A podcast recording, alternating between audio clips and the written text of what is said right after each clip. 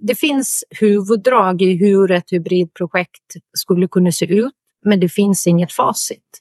Och det är ju bra och dåligt. Den som du har pratat är Camilla Åkesson.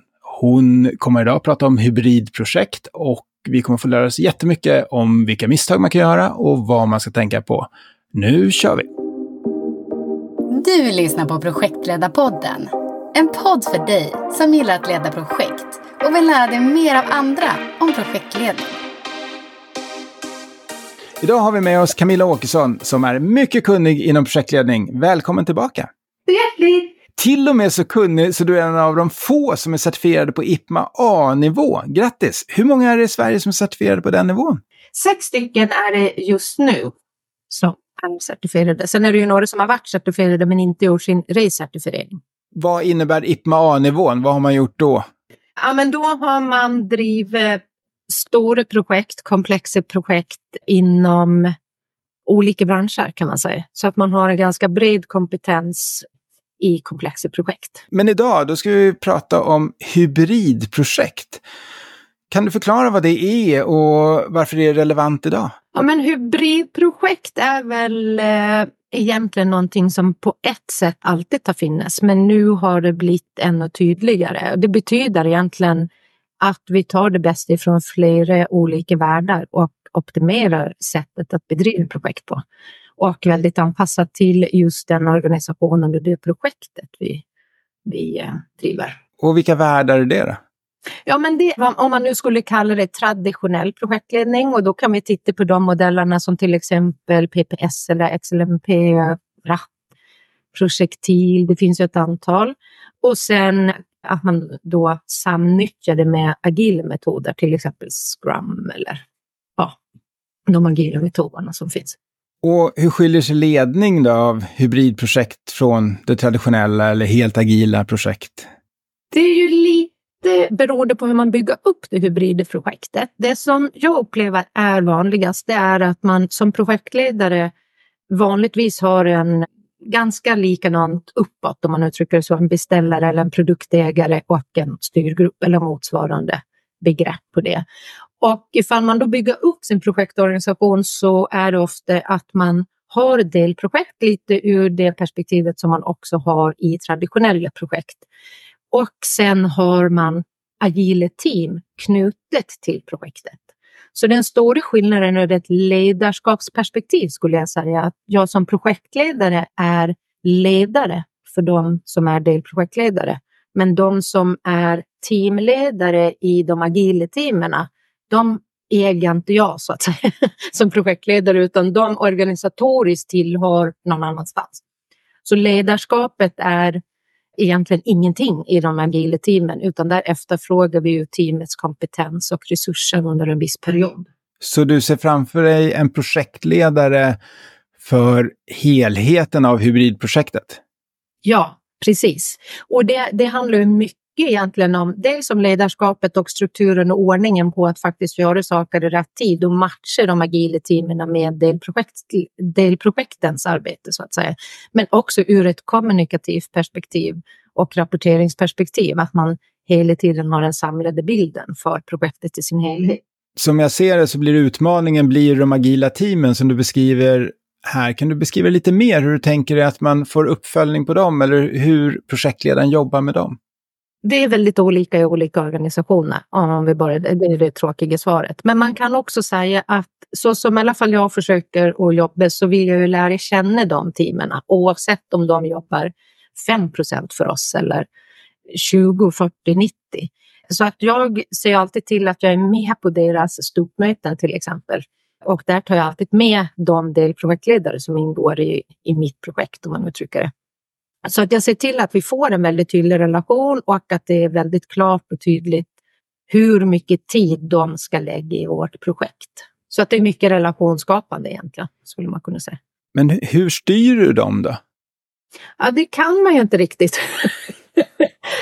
kan, det man kan göra är ju lite, det är också olika beroende på hur organisationen har valt att göra. För att i vissa organisationer så kan man lägga in aktiviteter eller ärenden i de agila teamens direkta backlog eller produktbacklog. och i vissa organisationer så har de någon, ja det heter lite olika, men jag kanske skulle kunna kalla det någon form av portföljshantering för de agila teamen, det vill säga att man egentligen eh, säger att det här behöver vi och sen är det någon i den här agila organisatoriska delen som säger ja då får ni hjälp av det här teamet den här perioden och den här teamet den här perioden. Vilka är de vanligaste utmaningarna du ser då, som projektledare stöter på i de här hybridprojekten? Ja, det, är, det som kanske är den fundamentala utmaningen i både agilt och hybrid är att många företag har faktiskt inte riktigt tänkt på att det, är, det i sig är en stor förändringsresa. Det vill säga att man förutsätter att folk ska förstå vad de ska göra, hur strukturen ser ut, hur rapportering ska se ut och så vidare. Men det är, det är ett alla, alla hybrida projekt borde föregås av någon form av förändringsprojekt för, så att hela organisationen är redo. Och framför allt så rapporter, allting bygger på att vi gör saker rätt och vi gör, så, vi gör rätt saker. Men det betyder också att vi hela tiden ska kunna mäta det och rapportera uppåt, vilket gör att alla ledet måste veta och, och det måste vara väldigt tydligt vad vi ska göra och hur vi ska göra det. Och ifall vi inte har gjort en förändringsresa där det är där alla har insikt i vad hybrid betyder just på den här organisationen så kommer vi få utmaningar bara, om man uttrycker det, utav det. Så den ena, om man då skulle sammanfatta det så kan man säga att den ena utmaningen är att det föregås av en förändringsarbete, vilket sällan är gjort. så skulle man kunna säga. Och det slår direkt på effektiviteten i projekten, för det går mer tid, det går mer tid i projektet åt att genomdriva förändringen än att faktiskt genomdriva projektets uppgifter, så att säga, det, det vi ska uppnå med, med projektet. En annan vanlig utmaning är att styrgrupp och beställare förväntar sig samma typ av rapportering och kanske några kopior eller nyckeltal på något sätt som faktiskt inte är möjligt att få fram i en viss typ av arbete eh, i grunden så skulle man kunna säga, men om det är viktigt att få fram de nyckeltalen så är det klart att det går. Men man måste vara överens om det i ett tidigt skede för att, för att kunna ge nyckeltal så behöver vi mäta, vi, be, vi behöver göra massor saker som vi måste bestämma tidigt för att ens kunna svara på sådana typer av frågor. Fler utmaningar? Det, kommunikation, väldigt vanlig utmaning. Man, det är lätt att tro att ifall vi har agila team och vi har en traditionell del med delprojekt och så som jag nämnde tidigare, så är det vanligt att eh, folk utifrån ser det som två projekt. Och eh, det har jag varit med om att några understryker genom att man ger någon form av statusrapportering eller man kanske går och berättar om projektet ur ett rent agilt sätt, det vill säga det som man bedriver de agila delarna, medan man mer eller mindre inte antingen pratar överhuvudtaget om de delarna som bedrivs i de andra delprojekten eller kanske till och med säger att de har inte gjort det eller så. Så att det blir liksom inte en samlad bild för projektet utan ja, det, det är en stor utmaning och det betyder då att som projektledare behöver vi hålla ihop de här två världarna, om man nu kan uttrycka det så, eller sättet att bedriva projekt. Så kommunikation både utåt och inåt. Jag jobbar mycket med teambildning i, liksom, i projektet överlag och det är ju det som också blir en utmaning. Har vi de agila teamen till väldigt liten del så är det svårt att teambilda. Del här borde vara det här med begreppen mellan traditionella, agila och hybridprojekt. Hur jobbar du med det? Kan du ge exempel? Jag brukar eh, i vissa organisationer så har de ganska klart för sig, men jag har liksom ett material som, som jag brukar gå igenom och, men, just gå igenom begreppsfloran. Vad är, vad är safe, vad är agilt, vad är traditionellt, vad är vattenfall? Så att vi har en gemensam bild av vad faktiskt den som de orden betyder. Så att det, det brukar jag alltid börja med och det som det är faktiskt så att det är nästan, jag tycker att nästan det är det viktigaste vid styrgrupp och beställare. Vi behöver börja där för att de ska förstå komplexiteten utav att vi slår ihop olika arbetssätt och fördelar. För det finns många fördelar med att slå ihop eller samnyttja olika modeller eller metoder. Och hur bör man som projektledare tänka då när man väljer mellan en traditionell projektmetodik, agila metoder eller safe hybridprojekt eller alla de olika varianterna? Mm. Det första är ju att fundera på vad det, vad det är vi ska göra. Hör och häpna. och ibland så är det väldigt solklart att det är så där, ja men de här delarna, ifall, ifall vi ska göra något väldigt lång, långsiktigt, vi vet redan nu vad vi ska göra och det tar, ja, vi, det kanske baserat på någon upphandling, vi har väldigt tydliga steg på vägen. Då skulle jag säga att då är det bäst att oftast bara använda traditionellt. Det som är, är att det absolut vanligaste idag är ju att alla IT-avdelningar jobbar agilt, vilket gör att så fort man ska ha någon IT-del med i sitt projekt så behöver man ta hänsyn till att de jobbar i agila team. Och eh, jag brukar säga att det inte finns verksamhetsprojekt eller IT-projekt längre, för jag säger att eh, det är klart att det gör det, men jag vill ju vara lite jobbig ibland. Och, då, och eh, det gör ju faktiskt att i sådana här stora projekt så vi kan inte göra någonting idag i verksamheten utan att påverka IT och IT kan heller inte göra någonting utan att påverka verksamheten. I princip, det är klart det finns undantag. Men det gör ju att det absolut vanligaste är att vi landar i att det optimala är att antingen då att verksamheten också ska börja jobba agilt, det vill säga gå in i och jobba i, i det agila arbetssättet. Och det tycker jag att man ska göra ifall man har ett projekt där man vet att, det, att vi inte vet så mycket. att, att, vi vet att vi kommer ha många frågor, vi kommer behöva reda ut mindre saker och sen behöver vi fatta beslut, vi behöver ändra riktning, vi vet kanske inte ens överhuvudtaget vart vi ska landa. Och då tycker jag att då ska man köra det rent agilt, det vill säga att vi har ett bra flöde på hur vi, där är det ett väldigt naturligt flöde i flexibilitet. Medans ifall vi vet väl vad vi ska göra, då skulle jag säga att det agila arbetssättet nästan sätter snubbeltråd för oss. Så att det, det, är, det är olika beroende på vad projektet ska uppnå. Och det vanligaste, och det är väl det det är väl liksom den berömda pendeln. Man har slått över ganska mycket och kör agilt, eller försökt köra agilt under en period. Man har försökt implementera SAFE som ju är en uppskalning utav agilt kan man enkelt uttrycka det. Och nu tror jag att man börjar se att ja, men vi behöver faktiskt båda delarna. Vi behöver tänka långsiktigt och kortsiktigt. Vi vet saker och vi vet inte saker. Det är ingen rocket science på något sätt, men vi behöver, vi behöver båda delarna. Och det är det vi egentligen behöver hitta. Vad, vad är optimalt och nyttja just för det här projektet? Ser du att metoderna kommer att växa samman så att eh, traditionell projektmetodik inför verktyg från den agila världen och kanske till och med vice versa? Absolut, och det görs ju redan idag egentligen, mer eller mindre i olika organisationer och, och i olika typer av projekt. Vi snor ju idéer och tankar hej vilt, vilket jag tycker är det absolut bästa. För det, om man tänker sig det agila arbetssättet har ju egentligen ersatt det som man kallar Vattenfall som är en systemutvecklingsmodell. Eh, vilket för övrigt oftast landar samman med projektmodell.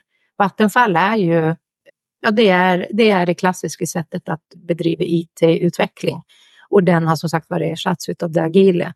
Och tidigare så har vi använt projektmodeller tillsammans med Vattenfall. Och jag tror att det är egentligen det som händer. Det vi håller på nu med, det är att byta projektmodeller och jobba tillsammans med agilt. Där agilt i huvudsak är IT-delar. Måste inte vara, men i huvudsak. Jag ser en utmaning när man jobbar i sådana här projekt. Det är rapporteringen till framförallt till styrgrupperna. Hur tänker du här? Det är ju jag skulle säga att det alltid egentligen är svårt. I, I, vissa organisationer är det ju så att då har man ju, om man har en tidig tidigare beslut på till exempel använder PPS så är det oftast, ja men så här rapporterar vi. Men å andra sidan så tycker jag oavsett typ av projekt så har jag alltid ställt frågan till beställare och styrgrupp, vad är viktigt för er? Hur vill ni få det presenterat och hur rapporterar ni det vidare? Om ni ens gör det. Vad behövs? Och, och ibland så finns det till exempel projektkontor som också vill ha någon rapportering inåt något annat håll som inte riktigt känner till vart det tar vägen. Men vi vet att, att vi behöver rapportera på något sätt.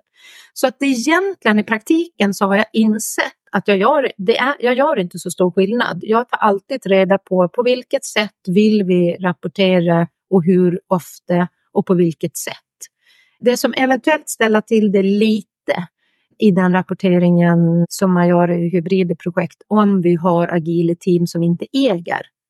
Det kan ju vara en utmaning. Där behöver man ställa frågan till styrgrupp och så vidare. Hur, hur vill ni att jag ska göra det? Vill ni att jag ska rapportera teamets planering som jag känner till? Eller ska jag bara eller endast rapportera det som vi verkligen har fått ut ifrån de agila teamen?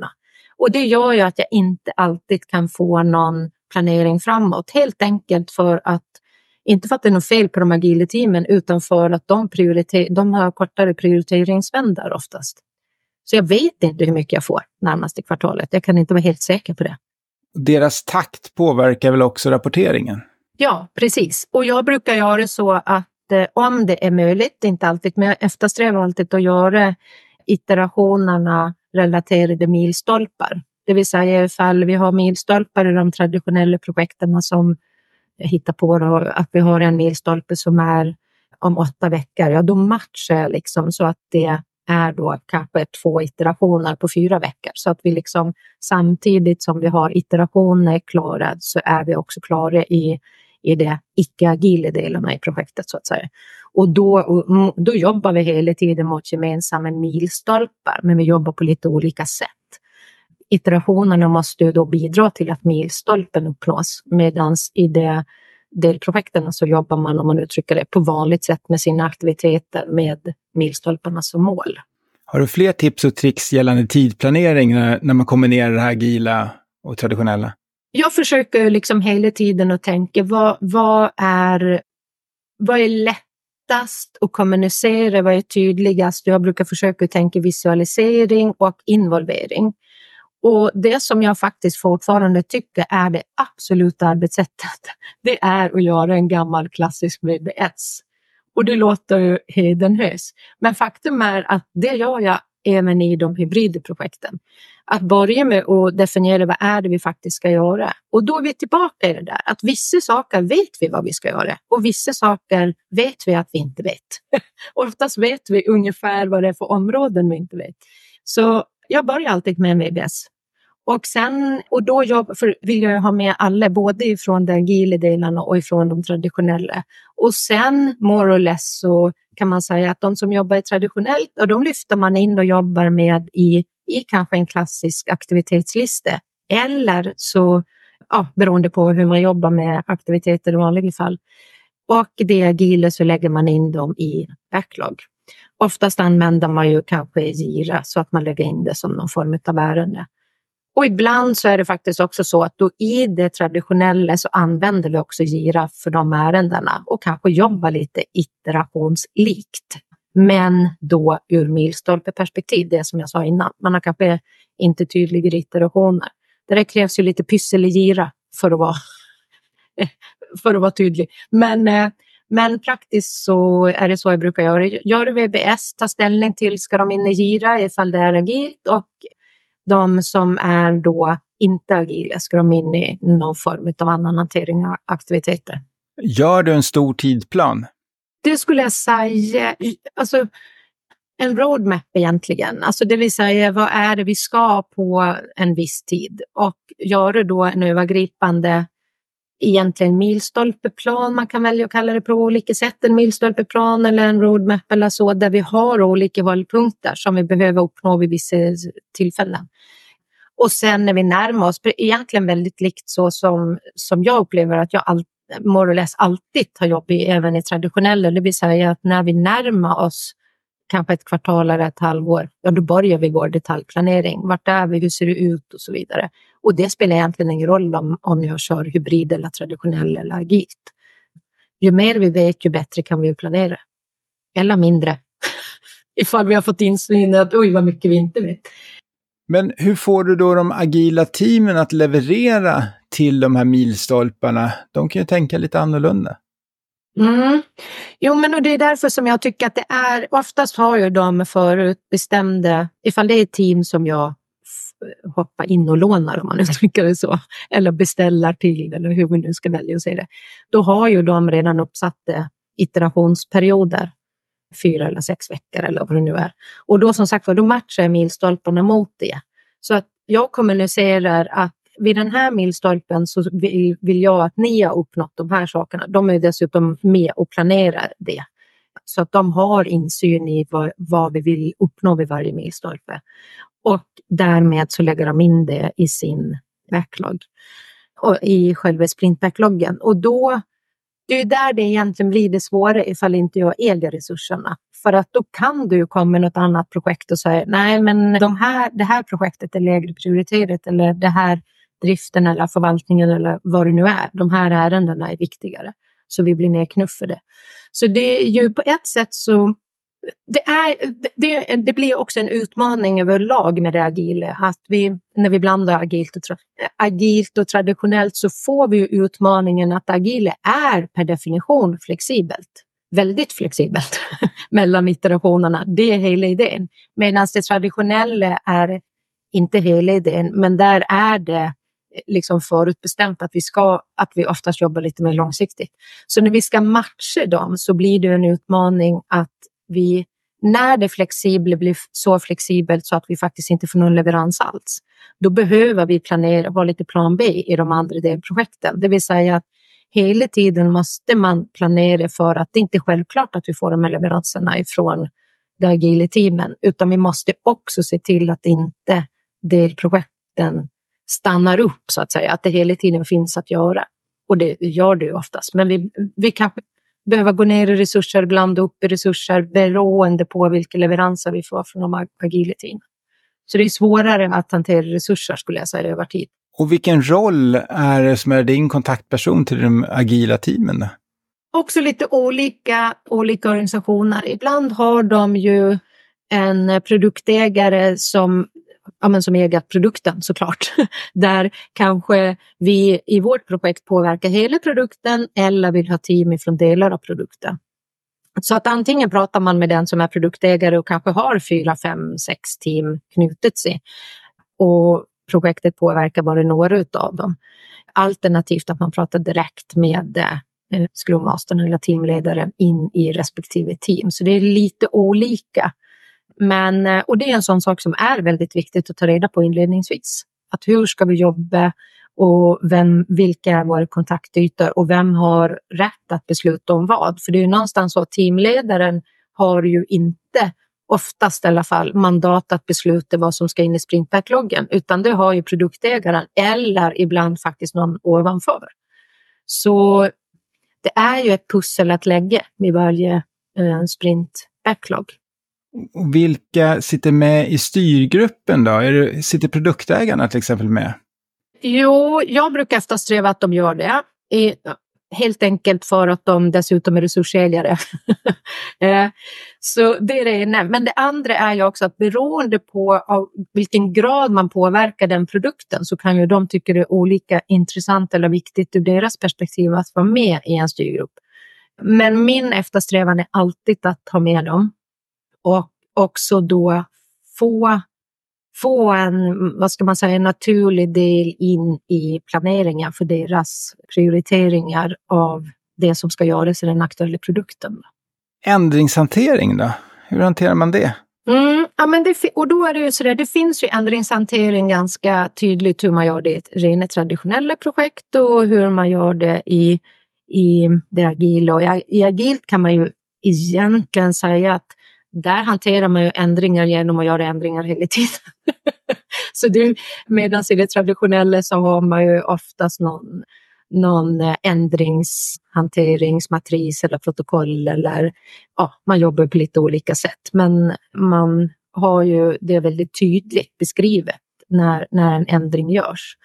Så beroende på så brukar jag, det vanligaste ska jag säga, är att jag behåller den i den traditionella, använder den beslutsprotokollet som jag har löpande och lägger in större ändringar som påverkar även det som sker agilt. Det vill säga att vi har, om vi till exempel har planerat att vi ska ha resurser i, ifrån två team i två iterationer och så får vi inte dem. Då blir det det blir ju en ändring i tid och resurser, pengar och så vidare. Och den lägger jag alltid in som en notis i, i, mitt, i mitt beslutsprotokoll. Vilket gör att jag både historiskt och under tiden också kan påtala ja, men vi är inte klara med det här för att vi fick inte de här resurserna. Och det är ju egentligen samma sak vi gör hela tiden i det traditionella. Det är bara det att nu det är som sagt för resurser som vi själva absolut inte har påverkan på. Jag tror egentligen mitt huvudbudskap är att se till att du har det på ett ställe, de stora ändringarna. Och den här flexibiliteten och anpassningsförmågan, den kanske ställer extra krav i hybridprojekt. Har du några tankar kring det? Ifall man som projektledare har väldigt stor kontrollbehov och vill detaljstyra så kommer det bli jobbigt i en, en, sån, en sån typ av projekt. Man behöver eh, känna sig trygg i att delegera och känna sig trygg i att om vi ger någon eller några en uppgift så kommer det att hända. Frågan är bara när. när, när det blir vår plats i kön. Liksom.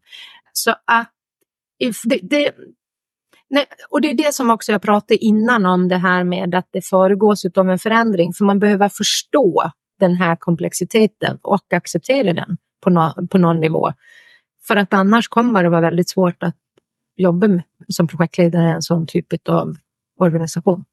Och hur borde man arbeta med beroenden? Jag tänker både beroenden, externa beroenden till projektet, men även inom projekt och mellan agila team och liknande. Jag tänker nätplan och den här typen av tänk.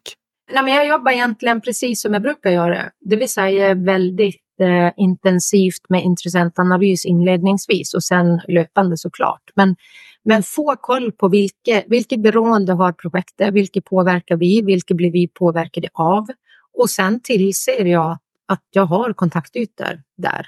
De som jag, sen gillar jag involvering för det gör att vi oftast får ett lättare arbete framåt om vi har samsyn och vi har bra kontaktytor. Så att jag gillar att ha med så många som möjligt och, och så många som det är lämpligt, ska jag också uttrycka då, på VBS till exempel, det jag pratade om förut, och också sen, ja, men vilka beroenden har vi, när, alltså den stora grova planen, vilka, le, vilka leveranser får vi till projektet, vilka ska vi ge och hur påverkar det? Så att blanda in så många beroende intressenter som möjligt så tidigt som möjligt. För då är det återigen så, då har vi en grov plan och sen kanske någonting händer, något annat projekt blir högre prio eller vad det nu må vara. Då kan vi ganska lätt ja, då har vi en ganska klar bild över att ja, men nu det här beroendet kommer att bli påverkat genom att vi är försenade av olika anledningar. Det kan vara såklart i de traditionella delarna också, det är inte alltid på de agila. Så att vi, då får vi en tydligare plan och egentligen är det samma sätt som jag alltid har jobbat. Det är bara det att just nu så återigen, så det som är den stora utmaningen är att det inte jag som äger de agila teamen.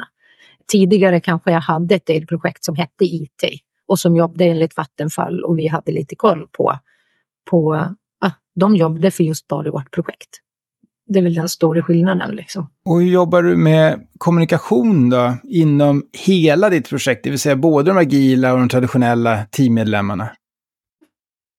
Ja, men där, jag, där nyttjar jag verkligen det agila sättet med att stå, stå upp möten varje morgon och sådär. Så att lite beroende på hur många deltagare man har i den, om man uttrycker den traditionella delen. Men jag bjuder alltid in till att alla ska vara med på de stoppmötena vid teamen. Återigen, beroende på ifall, ifall vi har 10 procent in i deras backlog så kanske vi inte är på deras stoppmöten. Men är det en period där vi har majoriteten eller kanske allt så tycker jag att vi ska vara med. Och minst så alla, jag och delprojektledare är alltid med på teamens eh, stoppmöten. Så det, det blir ju en, en vad ska man säga, automatisk kommunikation.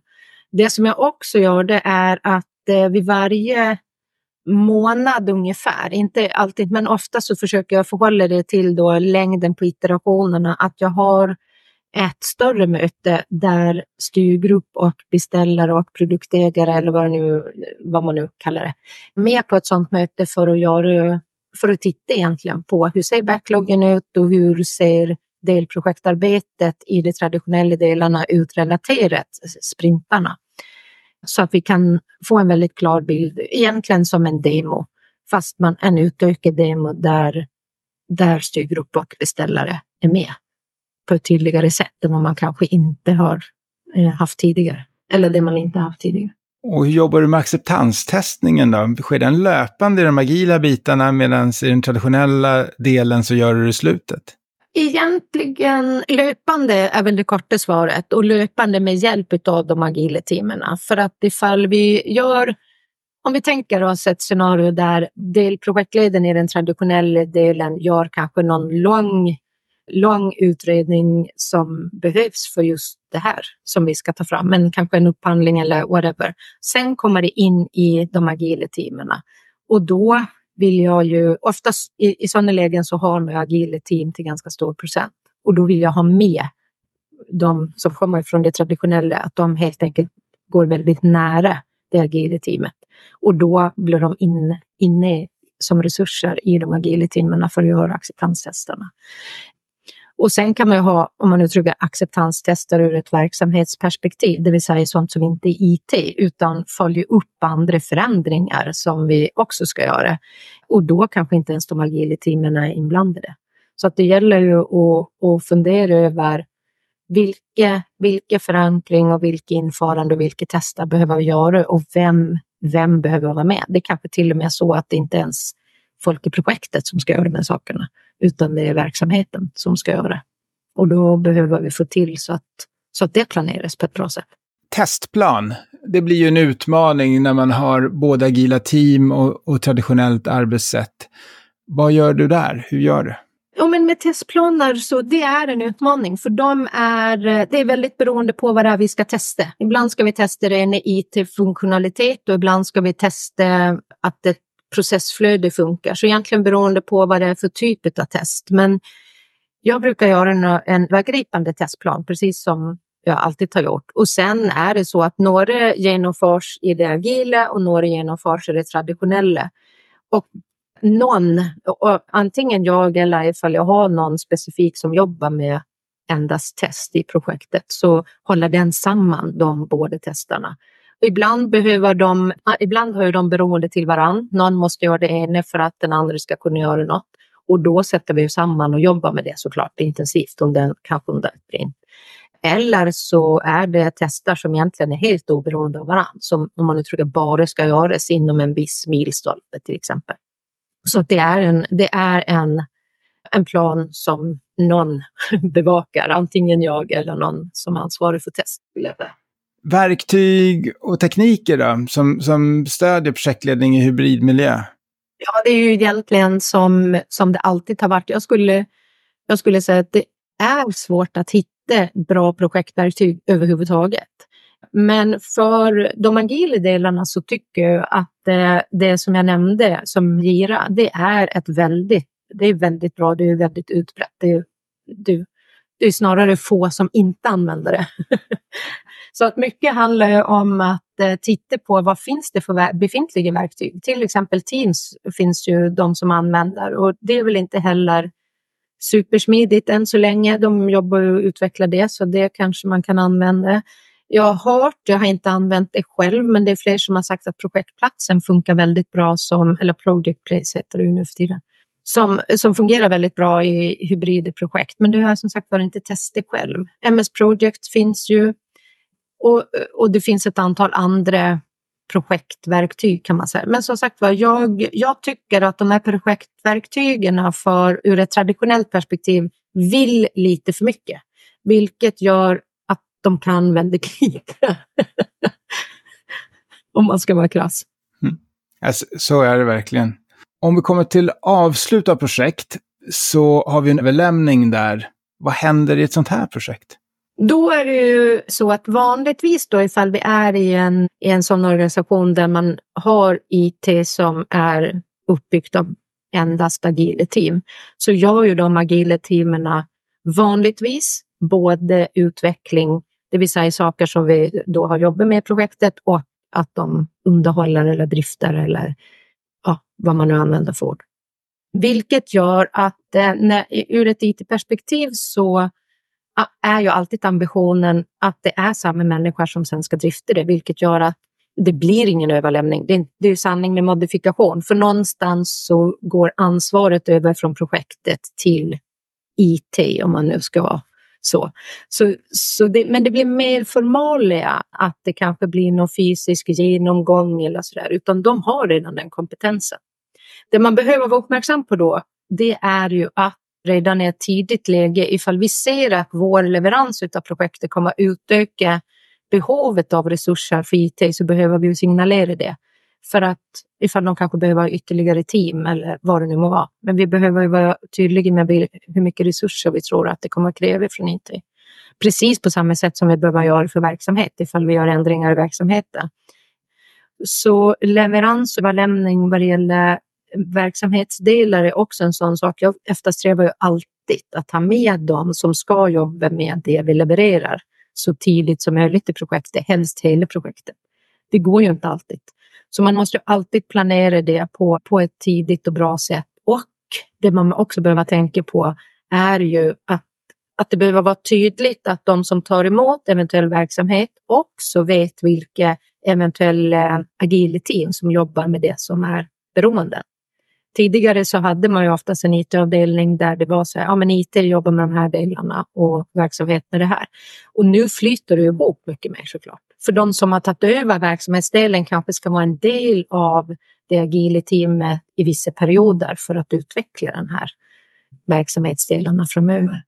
Om man vill lära sig mer om det här, var kan man hitta mer fakta om det här?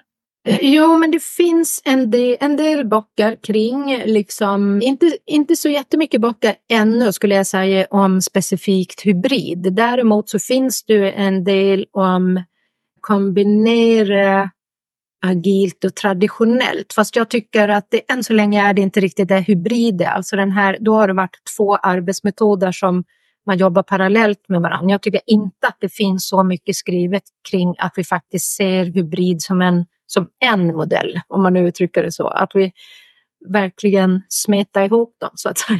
Det tycker jag inte, jag, i alla fall har inte jag hittat det, så jag tar gärna emot tips ifall man har. Och eh, det finns ju eh, kurser kring det som egentligen hanterar då ett övergripande sätt att se på hybridprojekt. Vad är det? Vilka begrepp finns och hur kan man jobba med rapportering och hur kan man bygga en, en, en projektorganisation i i hybrida projekt och tidplan och Mycket det vi har pratat om idag skulle jag säga. För det, det som är egentligen som vanligt, men också lite frustrerande, det är ju att det finns ju egentligen det finns huvuddrag i hur ett hybridprojekt skulle kunna se ut, men det finns inget facit. Och det är ju bra och dåligt. För det, det är bra på det sättet att vi kan alltid anpassa det till där vi är och till det projektet och det sammanhanget vi är. Men det, en del kan tycka att det är jobbigt också för då finns det liksom ingen riktig ledstång att hålla sig i utan man måste faktiskt ta ställning till vad som passar bäst. Och därför så tror jag många än så länge tycker att det är lättare att köra antingen agilt eller traditionellt. Men just, jag, jag, jag tror verkligen på att slå ihop dem och smeta ihop dem så som jag uttrycker det. Ta det bästa av två världar och optimera det till ett ännu effektivare projekt. Som avslutning då, vad ska man vara uppmärksam på när man driver ett sådant här projekt? Ja, men dels behöver man ju vara uppmärksam på att eh, när vi kommer in och startar ett sådant projekt så behöver vi ha lite som jag nämnde förut. Det, det, det borde föregås av en förändring eller ett förändringsarbete och en tydlighet i att ja, men vi kommer att jobba med hybrida projekt framöver. Och det behöver då vara förankrat och eh, genomarbetet i hela organisationen så att både jag som jobbar som VD eller GD eller vad, vilken nivå det nu är också vet att vi, jag kanske inte får nyckeltal, jag kommer inte få rapportering på samma sätt och så vidare. Vi kommer ha andra typer av frågor vad det gäller resurser och så vidare. Så jag tror att den förståelsen och insikten, för det som man tidigare har sagt, nu vet inte jag vad man säger nu för tiden, men när, när agile kom så sa man att implementera agilt arbetssätt tar mellan sju och tio år för att få det, till, för att få det effektivt. Man kan ju såklart säga nu jobbar vi agilt och så gör man så här, nu gör vi så här och sen börjar man. Och det är ju bra. Men det behöver ju också, när blir det effektivt så att säga? Och det betyder i praktiken, när har organisationen accepterat det nya arbetssättet? Och för att göra det så krävs någon form av förändring. Du, om, man, om man drar det riktigt långt så är det ju så att om man implementerar det agila så är det, den är ju baserad på det agila manifestet som i, i sin tur i mångt och mycket är en, kanske inte värdegrund, men det är ju en strategi för hur vi genomför saker. Och den behöver också genomlysas i hela organisationen för att det ska funka. Helt enkelt, att man har den insikten. Så det är väl några av sakerna. Det man också behöver tänka på det är ju att eh, ifall man, ifall, ah, ifall man jobbar på olika sätt, det vill säga man några jobbar hybrid, några agilt, några rent traditionellt, så, så är det viktigt att, ännu viktigare att tänka på beroenden och tillse att vi faktiskt, eh, att vi faktiskt går hand i hand i de delarna som vi ska gå hand i hand i. För det är inte ovanligt att man också sätter en portföljshantering på, på ytterligare en nivå. Så det är ganska många nivåer som vi som projektledare behöver ha koll på för att känna oss trygga i att vi faktiskt har den här helheten. Så jag skulle säga egentligen i mångt och mycket så det vi behöver vara uppmärksamma på är det samma sak vi har varit uppmärksamma på tidigare. Men vi har liksom ytterligare minst en dimension att titta på ur det agila perspektivet. Att vi inte äger resurserna till exempel. Har du gjort några misstag som du vill dela med dig av så att andra slipper göra dem? oj, oj, oj, hur lång tid har vi? ja, men, ja, men jag tror, så det klassiskt misstag är att eh, i början, eller i början, ja men ett klassiskt misstag är att ta för givet att man får den tiden man har önskat i ett agilt team. För att det är ju bestämt då. och sen kommer något annat och, och gå förbi.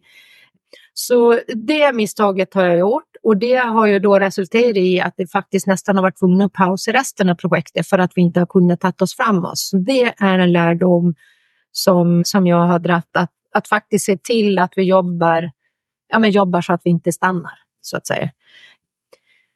Andra saker är ju rapportering. Jag vet inledningsvis när, när det agila och så började komma in så fick jag äran att gå in i projekt där, där man, man tyckte att inte projektet hade gjort det de skulle. När vi började titta på det så var det egentligen endast rapporteringen som, som hade glappor. Liksom.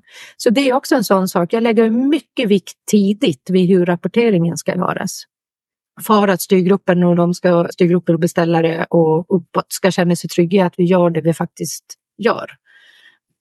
Så det är också en ganska klassisk misstag skulle jag säga. Ja, det är nog de, och kommunikation. Kommunikation, det här, jag nämnde det förut. Det har jag varit med om att jag som projektledare får höra att men ni har inte gjort det eller ni gjorde det eller ni, ni skulle göra det si eller ni ska göra det så för det hörde jag på ett informationsmöte. Och då, då börjar man undra, men informationsmöte, hur kan det ens ha varit ett informationsmöte utan att jag känner till det? Det, det blir man ju lite förundrad över. Och då inser jag, då är det just de här de agila teamen som in, det är ingen som gör det med illvilja, utan de tänker att vi berättar vad vi jobbar med. Och, ju, och, och just då kanske de jobbade med det projektet jag då är projektledare för. De rapporterade utifrån sitt perspektiv. Och det är också en sån sak som det blir superförvirrande. För att de har ju en syn och, och vi som, eller jag som projektledare har ju helhetsperspektiv på ett annat sätt. Så kommunikation är också sånt som i alla projekt är ju svårt. Men som blir väldigt tydligt att här är det verkligen en fälla. Att vi, att vi kan, det är väldigt tydligt att, att man kan ramla i den fällan när man delar upp det så här. Om man skulle vilja komma i kontakt med dig, hur gör man då? Ja, men då skickar man mejl till camilla.akesson camilla.a.se. Det är camillaå.se, fast det blir ju ett A.